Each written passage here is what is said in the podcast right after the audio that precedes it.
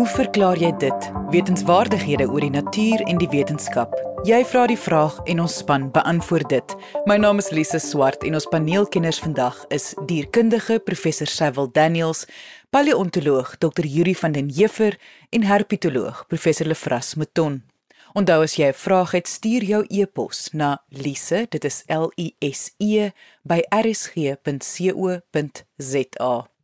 Ons eerste vraag van die dag word gevra deur Johanna en beantwoord deur paleontoloog Dr. Yuri van den Heever. Johanna vra: Beleef A die mens en B elke ander vorm van lewe 'n eie selfgedefinieerde heelal terwyl die werklikheid of verstaan van die totale geheel ver buite ons begrip lê. Dr van den Heever Ek wil eerstens met jou gesels oor die tweede deel van haar vraag, naamlik of die werklikheid of verstaan van die totale geheel ver buite ons begrip lê. Daar is al beweer dat die heelal nie werklik bestaan nie, maar dat dit 'n konstruk is wat ons in ons breine optower. Indien ons in so 'n spekulasie betrokke raak, dink ek kan ons maar net sowel opgee. Die feit dat 'n groot klomp mense Tafelberg kan klim en agterna die gesamentlike ervaring op 'n intelligente manier kan beskryf en bespreek, lyk vir my dat ons dan van iets praat wat werklik in tyd en ruimte gebeur het. Net so sal televisiekykers die wêreld oor die werklikheid van beeldsendings oor die Olimpiese spele aanvaar met die wete dat dit werklik besig is om in Japan af te speel en dat Suid-Afrika werklik medaljes in twee items te wete branderplankry en swem verower het. Bovendien wanneer die atlete terugkeer na Suid-Afrika, is hulle in besit van werklike medaljes. As niks hiervan werklik is nie, doen baie mense daarom groot moeite om alles werklik te laat voorkom. Desondanks al hierdie fisiese ervarings sal daar waarskynlik nog filosofiese aansprake wees dat die teendeel logies verwoord kan word. Omdat ons die wêreld via ons sintuie slegs deur ons beliggaamde self kan beleef, is ons niks sonder ons liggame nie sonder 'n lewer of niere is ons niks. Dit is ook 'n werklikheid. Dus in terme van ons gesprek kan ons vir alle praktiese doeleindes aanvaar dat die heelal en alles wat daarin voorkom werklik bestaan. Lise Johanna se verdere vraag of die verstaan van die heelal ver buite ons begrip lê, moet ons onsself na die wetenskap wend. Die heelal is so ongelooflik groot dat dit dadelik genoem moet word dat ten spyte van die ongelooflike tegnologie waaroor navorsers beskik, ons by verre nog nie die heelal volledig begryp nie. Sekere wetenskaplike bevindinge gee egter reeds vir ons 'n verstaanbare kosmologiese prentjie. Die heelal is in die orde van 13 miljard jaar oud en het sy ontstaan met die oerknal gehad. Die enorme gaswolke wat toe gevorm het, het onder die invloed van swaartekrag uiteindelik saamgekoek om onder andere planete te vorm. As gevolg van die na-effekte van die oerknal is die heelal steeds besig om uit te dui. Die resultaat was die ontstaan van biljoene sterrestelsels waarvan een, die Melkweg, 'n plat spiraal vorm waar ons sonnestelsel amper soos 'n stofdeeltjie aan die buitewyker lê. Die Melkweg is ongeveer 100 000 ligjare in deursnee. 'n Ligjaar verwys na afstand. Dit is die afstand wat lig in 1 jaar af lê teen 'n spoed van 300 000 km per sekonde. Gevolglik neem lig van die son ongeveer 8.5 minute om ons te bereik. As die son sou ophou skyn, wat onwaarskynlik is, sal ons dit eers 8.5 minute later agterkom.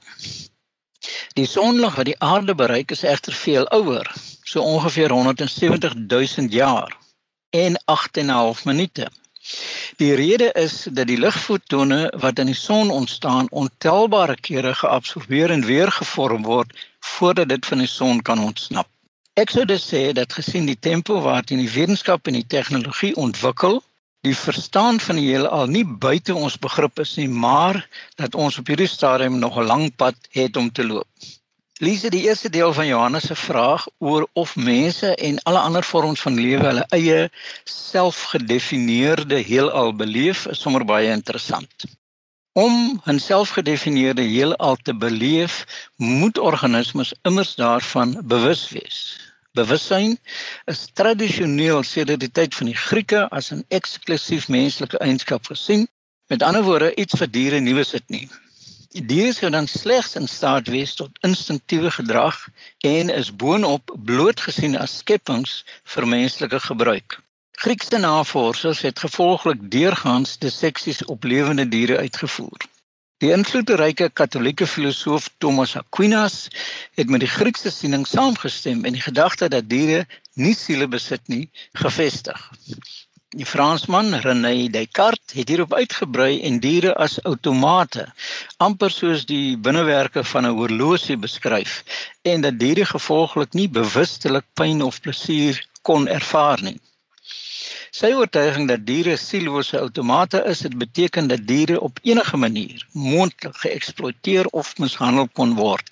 Hierdie oortuigings het ten minste in Brittanje tot laat in die tweede helfte van die 9de eeu hoogtyd gevier. Gesien die manier waarop ons vandag steeds diere, veral in die visbedryf, misbruik, lyk dit of ons nog steeds vanuit middeleeuse oorwegings optree.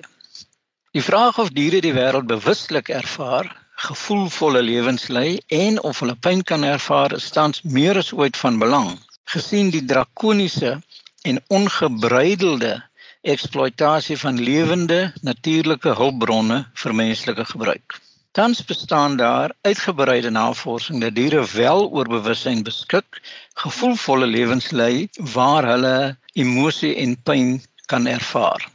Die verskynsel van bewussyn is in 'n eenvoudiger vorm by ongewervelde soos slakke en insekte waarneembaar. Wanneer krappe en krewe beseer word, uit die water gehaal word of daar 'n poot afgebreek word, stel hulle streshormone, soortgelyk aan kortisol en kortikosteroon vry. Dit beteken dat hulle ly. Net so, wanneer garnale beseer is en hulle hulle wonde vryf, word die pyn verlig deur dieselfde pynmiddels as wat ons gebruik aan te wend. Daar is selfs al wetgewing wat inkvisse pylinkvisse en seekatte beskerm op grond van die feit dat hulle komplekse senuweestelsel en gedrag 'n aanduiding van bewussyn is. Enkele ander voorbeelde toon dat diere en veral soogdiere die wêreld bewustelik aanvaar. Wanneer Asiatiese olifante iewers op die lyf met 'n kol wit verf gemerk word en hulle dit slegs kan sien as hulle voor 'n groot spieël staan, word die kol met die slurp betas. Dit is 'n aanduiding dat hulle weet wie voor die spieël staan en dat hulle van hulle self bewus is. Veldwagters het heelwat insidente aangeteken waar olifante onderlinge vriendskappe aanknoop en dat daar met die afsterwe van 'n vriend duidelike tekens van 'n intense emosionele reaksie en droefheid net soos by ons is. In die reënwoude van Sumatra stel die dominante orang-outang mannetjie die aand voor die trop se vertrek na 'n gebied met vrugtebome luidkeels sy intensie en die rigting waarin die trop gaan beweeg aandui. Hy beplan dus vooruit, dra sy intensies oor en bepaal die tyd van vertrek ongeveer 12 uur vooraf om betyds te wees by die voerplek terwyl daar nog iets te aas is. Laastens, die sjimpansee Santino woon in die Vroevik dieretuin in Swede. Hy het nie baie ooghare vir besoekers nie. En voordat hulle arriveer, versteek hy klippe op strategiese plekke sodat hy hulle daarmee kan peper. Dit is dus duidelik dat hy planmatig optree, sy toekomstige aksie kan visualiseer en uiting gee daaraan. Lisa ons kan dus sê dat op grond van die aard van ons bewussyn en die kognitiewe verstaan van die heelal, ons kan nadink oor ons posisie in die heelal. Ten spyte van die feit dat ons fisies aardgebonde en onderhewig aan swaartekrag is.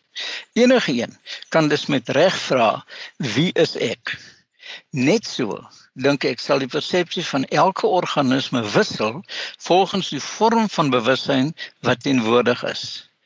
Dit lyk ook duidelik dat ander organismes nie soseer reflekteer oor wie hulle is nie, maar doodgewoon onder invloed van swaartekrag met hulle lewens voortgaan.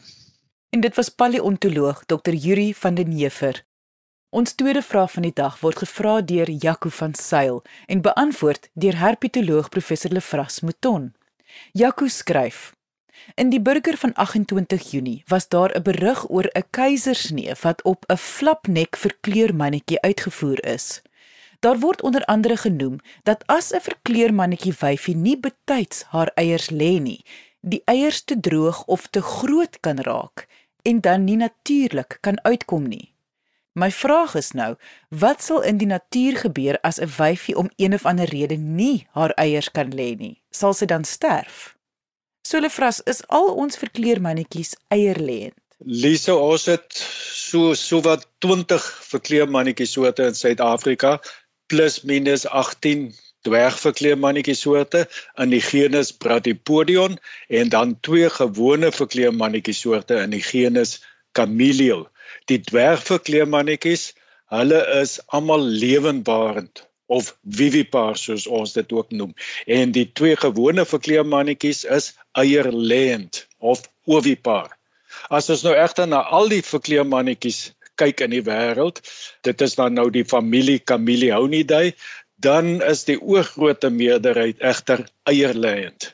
Die flapnek verkleermannetjie, Camellia dilepus, is dan nou een van die twee eierlêende forme in Suid-Afrika. Die ander een is die Namakwa verkleermannetjie, Camellia namaquensis. Dis dis nou daardie groot grondverkleermannetjie wat in die droë westelike dele van die land en ook in Namibië aangetref word. Is einde Junie nie baie laat vir 'n wyfie om nog eiers te hê nie? Moes die eiers nie al in die somer gelê gewees het nie? Daar's in 2012 'n studie oor die voortplanting by hierdie verkleermannetjie gedoen deur gebruik te maak van eksemplare in museumversamelings.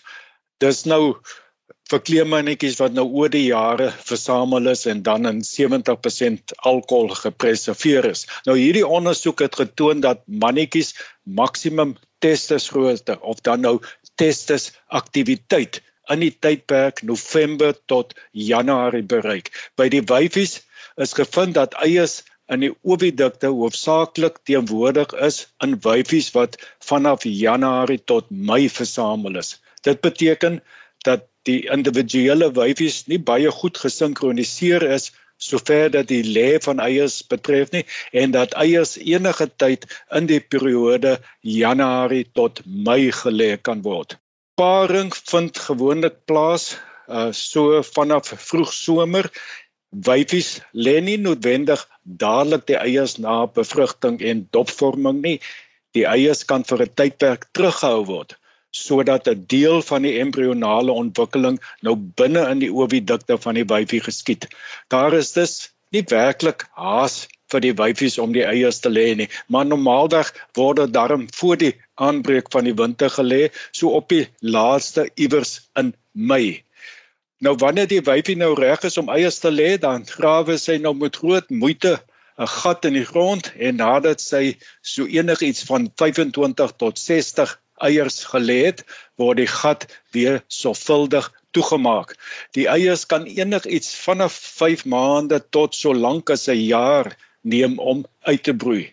Om teen einde Junie nog eiers in die ovidukte te hê, soos nou hier in die koerant berig is, is dis redelik abnormaal vir hierdie verkleermannetjie en ek stem saam met die uitspraak dat dit waarskynlik te wyte aan stres was wat teweeggebring is deur die aanhouding van die verkleermannetjie onder onnatuurlike toestande nadat dit nou uit die natuur verwyder is. Die eiers op die meegaande foto in die koerant berig het 'n duidelike dop. Sou die dop dan nie keer dat die eiers te groot word nie? Ja, in die koerantberig word genoem dat as die eiers nou nie betyds gelê word nie, hulle te droog of te groot kan word en dan nie op 'n natuurlike wyse sal kan uitkom nie. Nou ek moet sê hierdie stelling het my ook dadelik laat wonder. Kom ons bespreek eers die te groot word stelling. Tydens die proses wat bekend staan as vitellogenese word daar dooier in 'n paar van die eierselle of ova in die ovarium neergelê. Nou hierdie dooier gaan al die voedingsstowwe verskaf vir die volledige ontwikkeling van die eiersel na bevrugting tot 'n klein verkleemmannetjie wat dan nou uiteindelik sal uitbroei.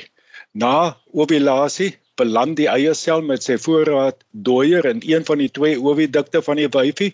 Dit word deur 'n spermsel in die oviduk uh, wat in die oviduk opbeweeg het bevrug. Membrane en die dop word om die bevrugte eier gevorm en nou is die eier gereed om gelê te word. As die eier nie dadelik gelê word nie, sal embrionale ontwikkeling begin. Die dooier word geleidelik opgebruik soos die embrio nou groter word. En nou baie belangrik, die totale volume embrio plus dooier bly oor tyd min of meer dieselfde. Dink nou maar aan 'n hoendereie waarop 'n hen broei die eie raak ons nou nie al hoe groter soos die dag van uitbroei van die kuikens nader kom nie. Die dop van die flapnek verkleem mannetjie se eier is nou wel meer plooibaar as die van 'n hoendereier, maar die eier gaan nie groter word soos embrionale ontwikkeling vorder nie. Wat die uitdroog van eiers of van die eiers betref, uh die eiers word natuurlik binne in die ovidukte gestoor van die wyfie nou totdat hulle gelê word in die wand van die ovidukte is daar klierselle uh, waarvan die afskeidings verhoed dat die eiers uitdroog en wat ook as smeermiddel dien om die lê van die eiers te vergemaklik.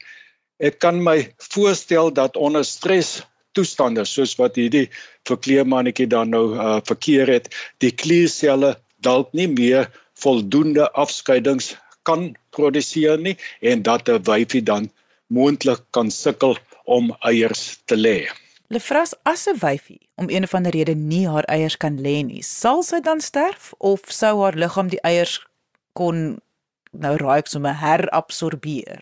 Elise, teoreties sou dit seker baie sin maak as die wyfie haar eiers kon herabsorbeer as dinge nou skeefloop, want sy het immers baie voedingsstowwe in nou in die vorm van dooier in die eiers neergelê en hierdie voedingsstowwe sou mos nou weer gebruik kon word om die volgende stel eiers te produseer. Daar's egter geen oortuigende bewyse dat reptiele in staat is om eiers te herabsorbeer nie. Anders as die spysverteringskanaal eh, kan die ovidukte mos nou nie verteringssappe afskei om die eiers in kleiner molekules op te breek sodat dit weer in die bloedstroom stroom opgeneem kan word nie. Daar is egter wel bewyse dat embrio's van lewendbarende forme geaborteer kan word. Maar in die geval van eierlêende forme kan 'n mens wel vra wat gebeur as die eiers eiers nou nie gelê kan word nie. Die wyfie flapnek verkleemannetjie sal wel in staat wees om al die vog uit die eiers te onttrek want die leeragtige dop is waterdeurlaatbaar. Gevolglik sal die eiers uitdroog en inkrimp en dit mag dalk later tog moontlik wees om die uitgedroogde eiers uit die liggaam uit te forceer. Maar aan die ander kant, die feit dat die wyfie in die in die natuur nie eiers kan lê nie, sal dalk op 'n onderliggende siekte toestand kon dui wat tot haar dood sou kon lei. Lise, uh, net om af te sluit, daar word in die koerant berig na die verkleemmannetjie as 'n skurwe jantjie verwys. Nou ek het nog nooit voorheen gehoor dat verkleemmannetjies so genoem word nie. Die naam Trapsikies is in die verlede baie gebruik, maar 'n mens hoor dit ook nou al hoe minder. Soos ek dit het, verwys die naam skurwe jantjie na die gordelakkedisse. Dis nou die familie Cordelidae, spesifiek daardie skurwe soorte wat so op die klippe in die son sit en bak. Jy luister na Hoe verklaar jy dit op RSG 100 tot 104 FM. En dit was herpetoloog professor Lefras Meton. Indien jy 'n vraag het, stuur jou e-pos na lise@rsg.co.za. En dis nou tyd vir ons kitsvraag van die week wat gevra word deur Ann en Andrew Jacobs en beantwoord word deur dierkundige professor Cecil Daniels. Omtrent so 'n maand gelede het 'n Cape Robin ons kat begin volg. Altyd wanneer die kat op die werf is en alleenlik dan, kom die robin en chirp en vlieg om die kat. Na 'n paar dae het ons opgemerk dat die wyfie ook die tendens bywoon. Saam vlieg hulle heen en weer van oppervlak na oppervlak, chirp chirp. As die kat elders na toe beweeg, dan beweeg hulle saam. Hulle doen dit letterlik die hele dag, elke liewe dag. Dis asof hulle 'n obsessie met hierdie kat het. Natuurlik is die kat gretig om hulle te vang en het al reeds 'n paar pogings gemaak. En ons is bevrees dat dit net 'n kwessie van tyd is voordat die kat sy tydsberekening goed genoeg gedoen het. Vir diegene wat belangstel in die videogreep wat hulle vir ons gestuur het, julle kan gaan kyk op RSG se webwerf, gaan net na rsg.co.za. So Sevil, hoe verklaar jy dit dat die voeltjies die kat so agtervolg? Nou ek moet nou sê ek het baie aandagtig na die video gekyk en alhoewel 'n mens sien dat wanneer die kat uitkom dat die vinke hom tuister of haar tuister, ek weet nie of dit 'n mannetjie of 'n wyfieskat is nie, maar ek dink dit is belangrik nie. Is dit baie moeilik om te sê hoekom so. Ek gaan so 'n algemene spekulatiewe akademiese antwoord gee. Baie kere wanneer ek hier by my my honde loop, sien 'n mens ehm um, die kiewite wat aan die onderkant van die wooneenhede Hulle maak nes daar en wanneer die honde nader aan hulle beweeg, dan kom hardloop die mannetjie gewoonlik uit en hy probeer om die honde af te lei van waar die wyfie gewoonlik op die eiers sit. So ek dink wat hier basies plaasvind is die twee vinke probeer om die kat weg te lei van waar hulle potensieel 'n nes het met of eiers of baie jong kuikens wat natuurlik nou nie kan vlieg nie. In die video kan 'n mens nou nie sien dat daar 'n nesie is byvoorbeeld nie of dat daar enige eiers is of enigiets van die aard nie. Maar dit is ook interessant dat daar beide 'n mannetjie en 'n wyfie is wat die kat probeer weglei van hierdie spesifieke area. So gewoonlik wanneer daar 'n paartjie is, is daar uit die uiteraard 'n uh, genoegsame investering in voortplanting. So ek dink wat basies in die in die video gebeur is die twee voëls probeer die aandag van die kat trek om die kat weg te hou van waar hulle potensieel die volgende geslag vinke uh, in 'n nes het waar daar potensieel eiers of klein kuikens teenwoordig kan wees. Want die diere sal nie onnodiglik wil ek nou amper sê met die kat obsessief wees nie. Daar moet een of ander rede wees hoekom hulle die kat so bombardeer en dit is gewoonlik wanneer daar ehm um, kuikens is of eiers naby in 'n nes of wanneer daar potensiële um, voedselbronne is die een trek byvoorbeeld die kat se aandag af terwyl die ander by, byvoorbeeld die die kos gaan vreet.